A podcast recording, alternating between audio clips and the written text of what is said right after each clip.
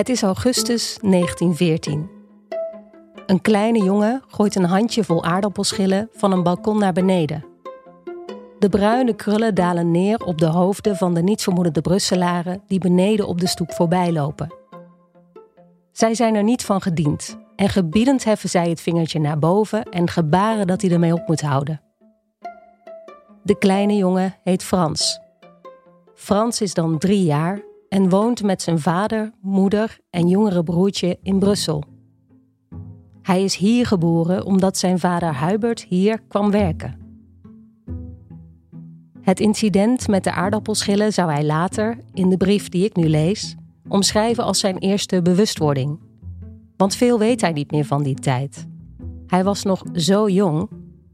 En pas veel en veel later, in Holland schrijft Frans, zou zijn vader hem vertellen over deze tijd. Over Huberts avonturen in het Vlaamse klooster bijvoorbeeld, waar hij toen werkte in de brouwerij.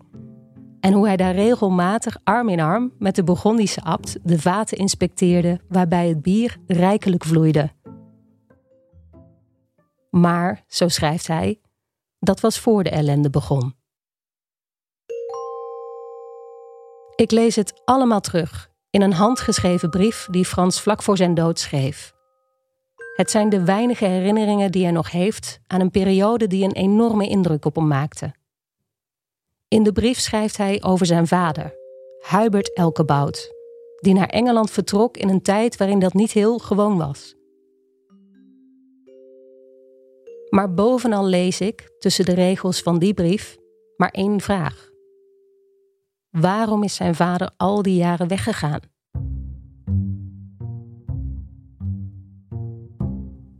Dit is een gewichtige zaak en ik ben Marike de Veer.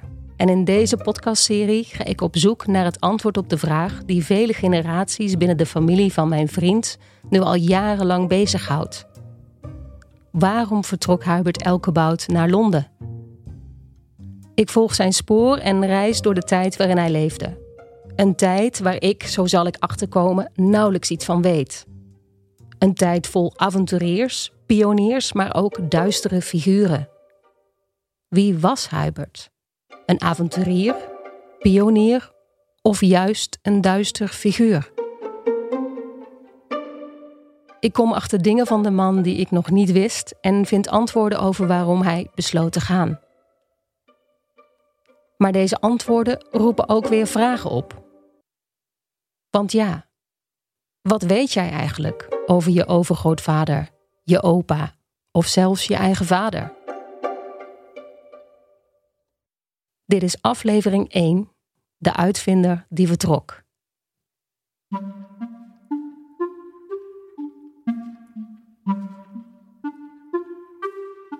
Waarom maakte zijn vader deze keuze? Het is een vraag die Frans jarenlang heeft beziggehouden, zo blijkt uit zijn brief. Maar een echte verklaring voor zijn vaders vertrek lijkt hij zich niet te kunnen herinneren. Of hij heeft er simpelweg nooit genoegen mee genomen. En dus schrijft hij, vlak voor zijn dood, een brief met alles wat hij nog weet. Het is dan 1992. Het briefje geeft hij in datzelfde jaar samen met een envelop aan zijn zoon, Francis. Nou, dit is dus letterlijk alles, daarom heb ik het nou gefotografeerd, gescand. Ja, goed zo. Letterlijk alles wat ik van opa heb gekregen, Ja. van mijn vader gekregen, van, van zijn vader. En je wist pas toen je dat kreeg dat hij ooit in Londen had gezeten. Ja, ja. En toen zei hij van Frans, dan moet je maar eens uitzoeken.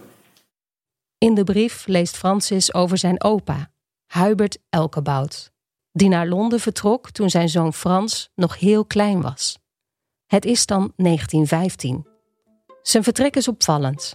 Heel Europa was op dat moment verwikkeld in een van de bitterste oorlogen van de afgelopen eeuw. En dat maakte die oversteek razend moeilijk. Bovendien liet hij zijn vrouw en twee kinderen achter in Nederland en zou ze jarenlang niet zien. Wat is nou het motief geweest van die mensen om, om dat te doen? Maar daar zijn we altijd naar op zoek. En zo wordt de vraag wel gesteld, maar nooit beantwoord.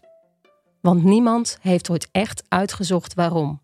Maar ja, wij hadden- het gewoon heel erg druk met het opvoeden van de kinderen. En eh, je had er helemaal geen tijd voor, dus we deden een envelop en deed weg. En zo belandt de brief met de envelop bij mijn schoonouders op zolder. waar hij zo'n 30 jaar lag. Tot Francis een aantal jaar geleden over deze brief vertelde en hem doorgaf aan zijn zoon, Selwyn, mijn vriend. Maar ook hij heeft nooit gezocht. Net als iedereen te druk met zijn leven. Nee, nee, gek hè? Ja. Ja, het is je overgrootopa, dus de opa van mijn vader. Ehm, dat, is, ja, dat komt niet ter sprake. Je gaat niet uh, drie uur zitten van laten we even uh, het leven van mijn overgrootopa bespreken. Dat, dat doe je niet. En waarom niet? Ja, dat is jammer, maar je, je kijkt een keer, uh, je, zo gaat dat. Je kijkt een keer naar wat er bekend is en je zegt van joh, ja, was wel bijzonder en je hebt geen antwoorden en het is weer klaar. Als ik vraag waarom hij niet op zoek is gegaan, zegt hij dat er maar zo weinig informatie beschikbaar was. Het was niet heel duidelijk wat Hubert daar precies deed. Of ja, je denkt, dit zal het wel zijn. Meer is er niet. In mijn familie geen grote daden of heldenverhalen. En ik herken het zelf maar al te goed. Dat je er niet aan toekomt om je in je eigen geschiedenis te verdiepen. Toen ik een jaar of veertien was, kregen we een brief thuis van een ver familielid. Hij deed stamboomonderzoek en vroeg om informatie. Een weekend lang dook ik fanatiek in de fotoboeken op zolder, bladerde door bitprentjes en zag overal verbanden. In een handgeschreven briefje lichtte ik vervolgens toe wat ik had gevonden. Als een overijverige Watson. De brief sloot ik af met de vraag of ik op de hoogte gehouden kon worden van het verdere onderzoek. Jaren gingen voorbij totdat er bericht kwam. Mijn ouders namen de telefoon op, want ik zat inmiddels op kamers. En ze noteerden een telefoonnummer op een briefje en hingen het op een prikbord. En daar heeft het jarenlang gehangen tot het bij een verhuizing onder in een doos verdween. Het was een uitnodiging om eens terug te bellen. Vorig jaar kreeg ik een appje van mijn vader. Dat de man die destijds dat onderzoek had gedaan, was overleden. In 17 jaar had ik hem niet één keer gebeld om ons onderzoek op te volgen. Ik was te druk geweest met volwassen worden, student zijn. Geschiedenis wacht wel, de toekomst niet. En misschien heb ik daarom het gevoel dat ik hier iets recht te zetten heb. Want wat als ik nu een keer wel doorzet en wel verder kijk? En zo komt de brief van Frans bij mij terecht. Wie was zijn vader? Waarom vertrok hij naar Engeland en liet hem, zijn moeder en zijn broertje achter? Maar hoe kom je erachter wat iemand bezielde als die persoon niet meer leeft?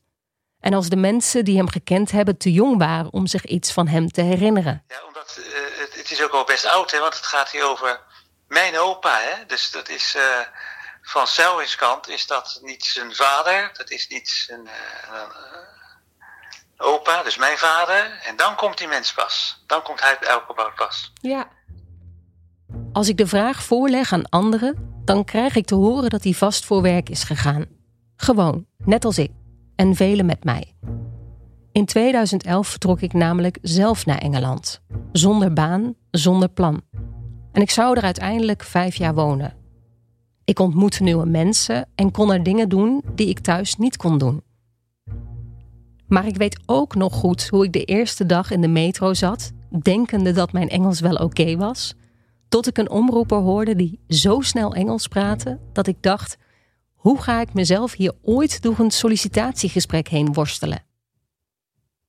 Het is uiteindelijk allemaal meer dan goed gekomen.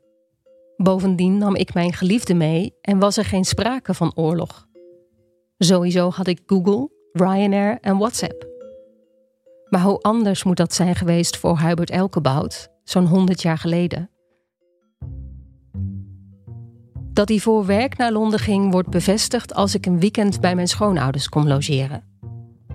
Ze waren net verhuisd en hadden hun vele fotolijsten op de overloop gezet, wachtend op een nieuwe plek. Vooraan stond een lijst met daarin een vergeeld krantenartikeltje. Het valt direct op door de titel: Een gewichtige zaak. Ja, dat hangt in de, in de werkkamer, de één werkkamer, computerkamer. Uh... Je hoort Selwin, mijn vriend. Zeg Marcel. Uh, en dat stond aan, aan drie kanten stond dat vol met uh, Lundia-kasten met uh, boeken. en er was eigenlijk nog een heel smal stukje muur ergens over. En daar, daar hing het in een hoekje eigenlijk. Als je de, als je de deur open deed, hing het achter de deur. Dus je, je, ja, het hing echt weggestopt eigenlijk. En daarom heeft het denk ik ook altijd daar gehangen. Is het nooit vervangen. Ja, ja, dat hangt er echt al uh, sinds ik heel klein was, hangt dat op diezelfde plek. Uh, ja, mijn vader heeft dat echt met, uh, met zorg ingelijst. Het is ook het enige wat hij.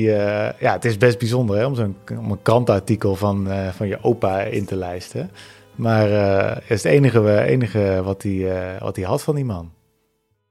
Het artikel in het lijstje komt uit de Schiedammer Courant van 25 juli 1958 en gaat over een onopvallend pand in Schiedam. Daar zou een van de interessantste bedrijven van die stad gevestigd zijn. Nou ja, er was dus interesse van, uh, van die bejaarde mens die daar zat, wat hij dan deed. En uh, in een onopvallend pand aan de Boersveldstad, dat was zijn bejaardenwoningje. Francis kan het zich nog goed herinneren. Het was een hopeloos huisje was dat. En, en, en, en daar zat een kamertje in en daar uh, ja, was eigenlijk een... een ja, het hele huis was ingericht als als werkkamer voor meetapparatuur. Waarvan we de betekenis totaal niet snapten. Dus verschrikkelijk. Er was, was duizenden onderdelen hingen er. Dat was echt magisch gewoon. Bij het artikel zit een foto van een man die onverstoorbaar aan zijn sigaar trekt. Hubert Elkebout. Voorovergebogen in een klein kamertje vol met spullen. Dat waren wegertjes weegschalen, metertjes, maten. De kop boven het artikel een knipoog naar deze setting. Een gewichtige zaak. Het enige wat erin staat is dat hij weegschalen maakt en dat hij dat al heel lang deed. Dus het was ook ergens, uh, ja, het moet ergens aan het einde van zijn carrière zijn geschreven, dat artikel. Mijn vader had ook altijd verhalen van dat hij, uh, die zei altijd dat hij uitvinder was. En een weegschalen was een van de dingen die hij deed, maar hij een hele technische man. En wat vond hij precies uit? Ja, dat, dat is me dus nooit duidelijk geworden. Hij was uitvinder. Ehm, en ja, ik vul dat altijd maar in als dat hij hele uh, nauwkeurige of uh, uh, ja, nieuwe versie van weegschalen maakte. Nou ja, wat hij dus precies, wat voor uitvinder die was, wat hij heeft uitgevonden, dat is me nooit duidelijk geweest. Een uitvinder die tot op zijn laatste dag in de weer is met meetapparatuur en gewichten. Een oude meester in zijn vak, waarvoor mensen van heinde en verre kwamen met een vraag of om iets van hem op te steken. Precisiewerk, dat is het. Het maken van weegschalen die minuscule deeltjes nauwkeurig kunnen wegen. Aparte was dus in dat krantenartikel, dat was me nooit opgevallen, maar daar staat dus een heel ergens halverwege staat een heel kort zinnetje. Jarenlang had de heer Elkebout een gereedschapswinkel in Engeland. Er staat niet hoe lang, er staat niet wanneer, en ook niet waar precies. Het is niet meer dan een bijzin, verstopt tussen de regels van dat vergeelde knipseltje, net zo onopvallend als het pand waar het over gaat. Zo'n zin waar je gemakkelijk overheen leest. Jarenlang had de heer Elkebout een gereedschapswinkel in Engeland. Jarenlang had de heer Elkebout zijn gereedschapswinkel in Engeland, dat was het. Hij had een gereedschapswinkel. Moet je je voorstellen, in Engeland, met, allemaal, met alle gewichten omgezet in Engelse uh, gewichten. En hij was dus uiteindelijk uh, weeg, leraar weegschalenbouw. Ja. Leraar weegschalenbouw? Maar wat moet die in Londen? Hadden ze in Engeland werkelijk zo'n nood aan weegschalen dat ze een eenvoudige jongen uit Nederland bij zijn jonge gezin weghaalde? Wat bezielde die man? Ja. Ja, waarom is hij naar Engeland getrokken? Ik denk, ik denk primair vanwege zijn werk. Uh, net zoals uh, jullie dat hebben gedaan, dat je iets anders wilde doen. Uh. Wat bezielde ons eigenlijk? Nog geen dertig en al last van ingesleten patronen. Teleurgesteld in de wereld van werk en eerste banen. Behoefte om het roer om te gooien en helemaal opnieuw te beginnen. In een stad waar niemand je kent en waar je op kan gaan in de massa. Waar je nieuwe plannen kan smeden, omdat alles, werkelijk alles, opeens mogelijk lijkt. En zo stel ik me voor, moet het voor Huip ook geweest zijn. Een uitvinder die totaal geen plannen had om weegschalen te maken, maar één die enkel zichzelf opnieuw uitvond. Het werk slechts een alibi. Dus ik wil weten waarom hij echt gegaan is. En dat brengt me terug naar de brief en de envelop. Waar is die eigenlijk? Nou, ik zou je vertellen, Mary werd er gek van. Ik heb dagenlang gezocht, het hele huis op zijn kop gezet. En op een gegeven moment dacht ik, ja, daar heb ik in die hoek heb ik ook nog schoenendozen staan. Daar waar, waar die kleren in zo'n klerenkast uh, staat. En uh, daar zat alles in. Alles heb ik. Nou ja, wat goed. En zo zit ik op een middag bij mijn schoonouders aan de keukentafel. Maar heb, heb jij ooit geweten dat hij zo lang weg is geweest? Nee, nee, nee, beslist niet. Nee, nee, nee. Voor hem? Ja, dat was ook uh, letterlijk ook voor ons onbekend, hè? De eerste keer dat, dat, dat, dat we die verwondering weer gaven was toen die envelop werd gegeven. Mhm. Toen zagen wij die identiteitskaarten. Ja. En dan zie je het staan en denk, ja, het is echt gebeurd. Voor ons ligt een envelop met veertien keurig opgevouwen brieven. Zonder koffievlekken, foutjes of verdwaalde aantekeningen. Nog volledig intact na meer dan 100 jaar. Een mensenleven, opgevouwen in een schoenendoos op zolder. Al die jaren keurig bewaard. 19th of December 1918. To whom it may concern. We beg to inform you that we have done considerable business with Mr. Halbert Elkerbout in connection 27th of January 1919. Mr. Halbert Elkerbout has been employed 24th of December 1920. He leaves at his own request to return to the continent and he takes with him our best wishes for his future success. Referentiebrieven van bedrijven waar Hubert voor heeft gewerkt maar ook een zogenaamd vreemdelingenpaspoort met een foto van Hubert. Een jonge man met een grote snor die vastberaden voor zich uitkijkt. Het paspoort is afgegeven in Engeland in 1920. De datum waarop hij het land binnenreisde, 15 november 1915. De Eerste Wereldoorlog. Ik zie nog een formele brief in het Frans met prachtige krulletters afgegeven door het ministerie van Buitenlandse Zaken. Een visum of doorreisbewijs. Of zoals er staat in het Frans, een laissez-passer. Het geeft hem toestemming om te gaan. Uit de envelop vallen nog een aantal foto's. Dit is mijn vader. Je kunt, de derde manneke. Ja, dat dacht ik. En dat is zijn broer. En dit ben ik bij opa. Eentje valt direct op. En dat is, het is helemaal bijzonder, hè? Het is een foto van een vrouw met een lange donkere rok, een zwarte blouse met zwarte knopen. Ze zit op een stoel en kijkt treurig in de camera. Op de leuning links van haar zit een klein jongetje in matrozenpak en lakschoentjes met een gesp. Rechts van haar staat een wat ouder jongetje in eenzelfde matrozenpakje met dezelfde schoentjes. Zijn arm steunt nonchalant op de rand van de stoel. Haar man en hun vader ontbreekt op de foto. De vrouw is Wilhelmina, de vrouw van Hubert, die zelf niet op de foto staat. En het jongetje rechts van haar is Frans. Het is het jongetje van de brief, die schreef over zijn vrolijke tijd in Brussel. Totdat er een donkere wolk over het hoofd van die kleine jongen trok op die mooie zomerdag in augustus 1914. En het is daar dat de tekst in zijn brief omslaat en kattenkwaad plaatsmaakte voor echte oorlog en bier voor gif. Als Frans schrijft hoe de Duitsers België binnenvielen en zich daar gedroegen als beesten. Ze vergiftigden de waterleiding, executeerden honderden burgers en brandden meer dan duizend huizen plat. Het gezin Elkebout moest België ontvluchten in een open kar, de jongens in een aardappelkistje. Samen met een miljoen andere Belgen kwamen ze naar Nederland, waar ze in Rotterdam werden opgevangen. Vanaf daar ging Frans met zijn broertje en een moeder samen naar Dordrecht, waar haar ouders woonden. Dordrecht. Daar bleef zij achter en ging hij weg.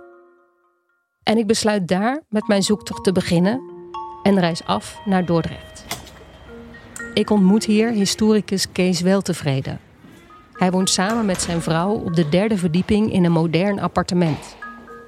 Maar binnen lijkt het of ik terug in de tijd stap. In de gang staat een oude poppenwagen voor de kleinkinderen. Mijn jas gaat op een knaapje. En als ik ga zitten, krijg ik koffie met een kaakje. En kijk ik uit op een kamertje vol geschiedenisboeken. Sommige daarvan door Kees zelf geschreven. Ik ben hier omdat Kees me kan vertellen hoe ik mijn speurtocht vanaf hier het beste aan kan pakken. Maar er is één vraag die hem meer bezig heeft gehouden sinds ik hem een week geleden belde. Inderdaad, ik zou niet weten hoe je in oorlogstijd in Engeland komt. Ja. Dus dat, uh, hè, ik zit nu te, fantaseren, te fantaseren maar uh, mijn kennis te gebruiken om te denken van hoe kom ik vanuit Dort in uh, Londen in die tijd, in oorlogstijd, hè, dan, dan, ja, dan moet je varen, hoe dan ook. de, de Nederlandse schepen, die mochten natuurlijk wel varen, maar er was een, een, een soort afspraak van um, dat er een neutrale zone was op zee. Dan mochten de schepen niet getorpedeerd worden. Zeker geen neutrale schepen. Want ja, die oorlog die was natuurlijk ook op zee en de Duitsers die wilden. Er was gedonder op zee. De Duitsers waren voor hun grondstoffen afhankelijk van de toevoer vanuit de koloniën. En de Engelsen gingen daar met hun vloot letterlijk voor liggen. Als tegenreactie kwamen de Duitsers met hun onderzeeërs. Die jaagden fanatiek op Engelse schepen. En soms, ja, soms maakten ze wel eens een vergissing. Want je ziet ook wel foto's uit die tijd van Nederlandse schepen. die bijvoorbeeld op de zijkant van hun schip. hebben ze met koeienletters geschreven hoe het schip heette. En ook nog de Nederlandse vlag erop uh, geschilderd. Want als je dan als duikbootkapitein je periscoop naar boven hield en je keek, dan zag je, hey, dan kon je bijna lezen hoe het schip heette. En dan wist je, oh, dat is een neutraal schip. Dus dat kan, mag ik niet torpederen. En dat is tot 1918 zo geweest. Want dat mocht niet. Ja, dat mocht niet. Maar ja, er zijn natuurlijk vergissingen geweest en dan toch op de knop gedrukt. Ja, er zijn heel wat uh, Nederlandse schepen uh, verloren gegaan. En terwijl de Britten doorgingen met hun zeeblokkade om Duitsland uit te hongeren, deden de Duitsers er nog een schepje bovenop. Want uh, op een gegeven moment hebben de Duitsers ook gezegd: van wij erkennen geen neutrale schepen meer. Toen hebben ze de onbeperkte duikbootoorlog afgekondigd en toen hebben ze alle schepen die er dus op de Noordzee voeren en op andere wereldzeeën. Dat was uh, prooi, die mochten ze beschieten. En toen hebben de Amerikanen gezegd, maar nou gaan wij ook oorlog voeren. Eind januari 1917 kondigt Duitsland aan dat het een onbeperkte duikbotenoorlog gaat voeren. We will sink all ships. De wateren rondom Engeland worden een soort slotgracht met Engeland een vesting die langzaam wordt uitgerookt. Alle schepen, ongeacht de vlag waar ze onder varen, zullen vanaf dan zonder pardon en zonder waarschuwing worden aangevallen. Het wordt zowat onmogelijk om nog vanuit Nederland naar Engeland te reizen of om als Nederlander naar huis terug te keren. En ondanks dat alles stak Hubert die zee over. Nam hij de boot en zette koers naar Londen, dwars door de Noordzee. En dan denk ik aan de achterblijvers. Als ik Kees de foto geef van Wilhelmina. Ze kijkt een beetje zaggerijnig. Ja, ja. Ja, dit is echt geposeerd, hè? Ja. Ja, dat is de mode voor die tijd, voor kinderen natuurlijk, maar het is wel chic. Want, uh, ja, ik denk dus, dus dat ze echt in hun zondagse kleren zijn ze naar de fotograaf gegaan om daar op de foto te gaan. En dan ging je een foto laten maken. Nou, dat was wat hoor. Is dat, zo? Heel bijzonder, ja. ja. Dus dit zou misschien een afscheidsfoto geweest kunnen zijn? Nou, ik denk, ik denk dat dat een foto geweest is voor hem om mee te nemen. Oh. Zoiets.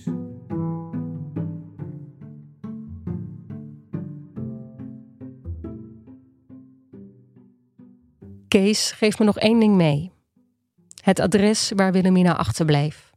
20 huizen, 26b. Het is een klein huisje.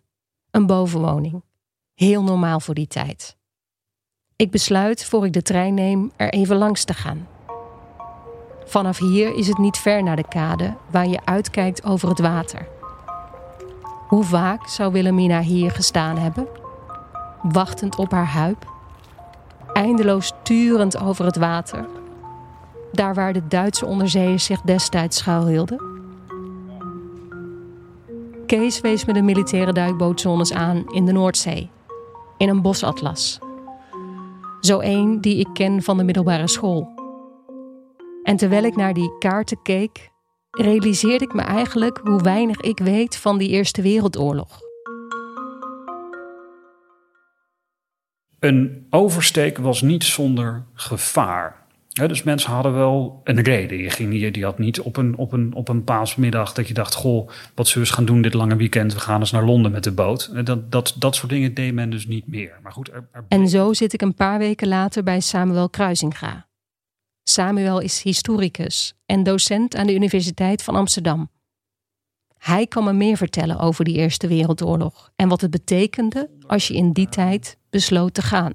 Ja, ik denk dat maar van ofwel je moet wel echt heel graag willen, ofwel je moet tot een bepaalde mate van zekerheid hebben dat er ook iets gebeurt aan de andere kant. En waarom zou je anders, bedoeld, zo'n reis, het was ook niet goedkoop. Je moest ook gewoon een, een, een, een kaartje voor zo'n boot kopen. Nou dat, dat kost ook gewoon geld. Eh, het kostte moeite. Hè? Was zo'n zo'n laissez-passer, dat, dat was ook niet gewoon een kwestie van uh, een, een webformulier invullen en op, op de centknop drukken. Hè? Daar moest je moeite voor doen. Dus ik denk van ja, dat, dat doe je met een reden. Dat doe je niet, niet, niet omzonst, omdat je denkt: Goh, ik heb niks te doen vanmiddag, we gaan eens naar Londen. Dus wat heeft hij daar gedaan? Hè? Nou ja, je kan uit de papieren opmaken dat hij uh, het werk wat hij uh, later thuis heeft gemaakt, ontwerpen van uh, weegschalen, dat soort dingen moet hij daar gedaan hebben. Hè? Ja, maar dat is toch ook wel een bijzonder verhaal dat je dus gereedschap maakt of weegschalen maakt en daarop naar Engeland gaat in de oorlog. Dat, is ook, dat lijkt een soort gek verhaal, toch? Ook wel weer. Ja, ja, je, twijfelt aan uh, of het zo is, ja. Nou, je, ja, je, het, het, een klein beetje wel, ja. Dat je denkt, ja, ik weet oh, ook niet wat de waarheid is. Ik weet ook niet wat de waarheid is. Is een bekend verschijnsel hè, in de geschiedenis. Uh, dan zie je dus dat, dat het beschrijven van de feitelijke dingen, hè, zoals een, een boottocht maken en uh, werknemer zijn in een, in een instrumentenfabriek uh, in Engeland nou ja, dat, dat vind je, daar, daar kom je meestal wel achter. Maar de, achter de gevoelens van mensen en de emoties en de relaties, ja, dat is veel moeilijker, omdat we dat niet gewend zijn om dat om dat, om dat te doen. Ja, en dat is dus eigenlijk precies waar ik naar op zoek ben. Ja, ja maar dat is, dat, dat, dat is vaak het eindpunt, hè. Ik zie het liever als een begin. De komende maanden ga ik op zoek naar het antwoord op die ene vraag. Waarom vertrok Hubert Elkebout naar Engeland? Dat het uitzonderlijk was, dat is zeker, verzekert Samuel Kruisinga me.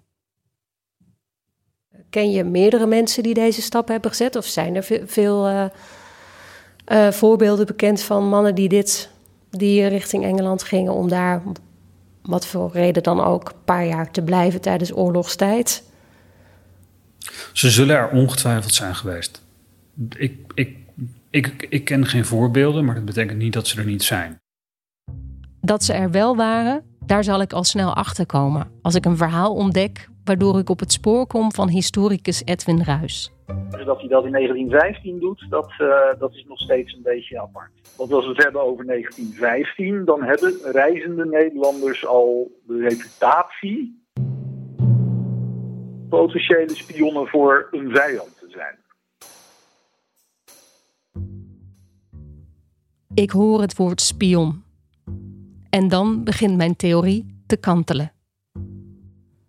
Hubert zou een gouden baan tegemoet zijn gegaan in Engeland. Een baan waarvoor hij een zee over moest steken met Duitse torpedoboten, een visum moest bemachtigen en vrijstelling moest krijgen van zijn dienstplicht.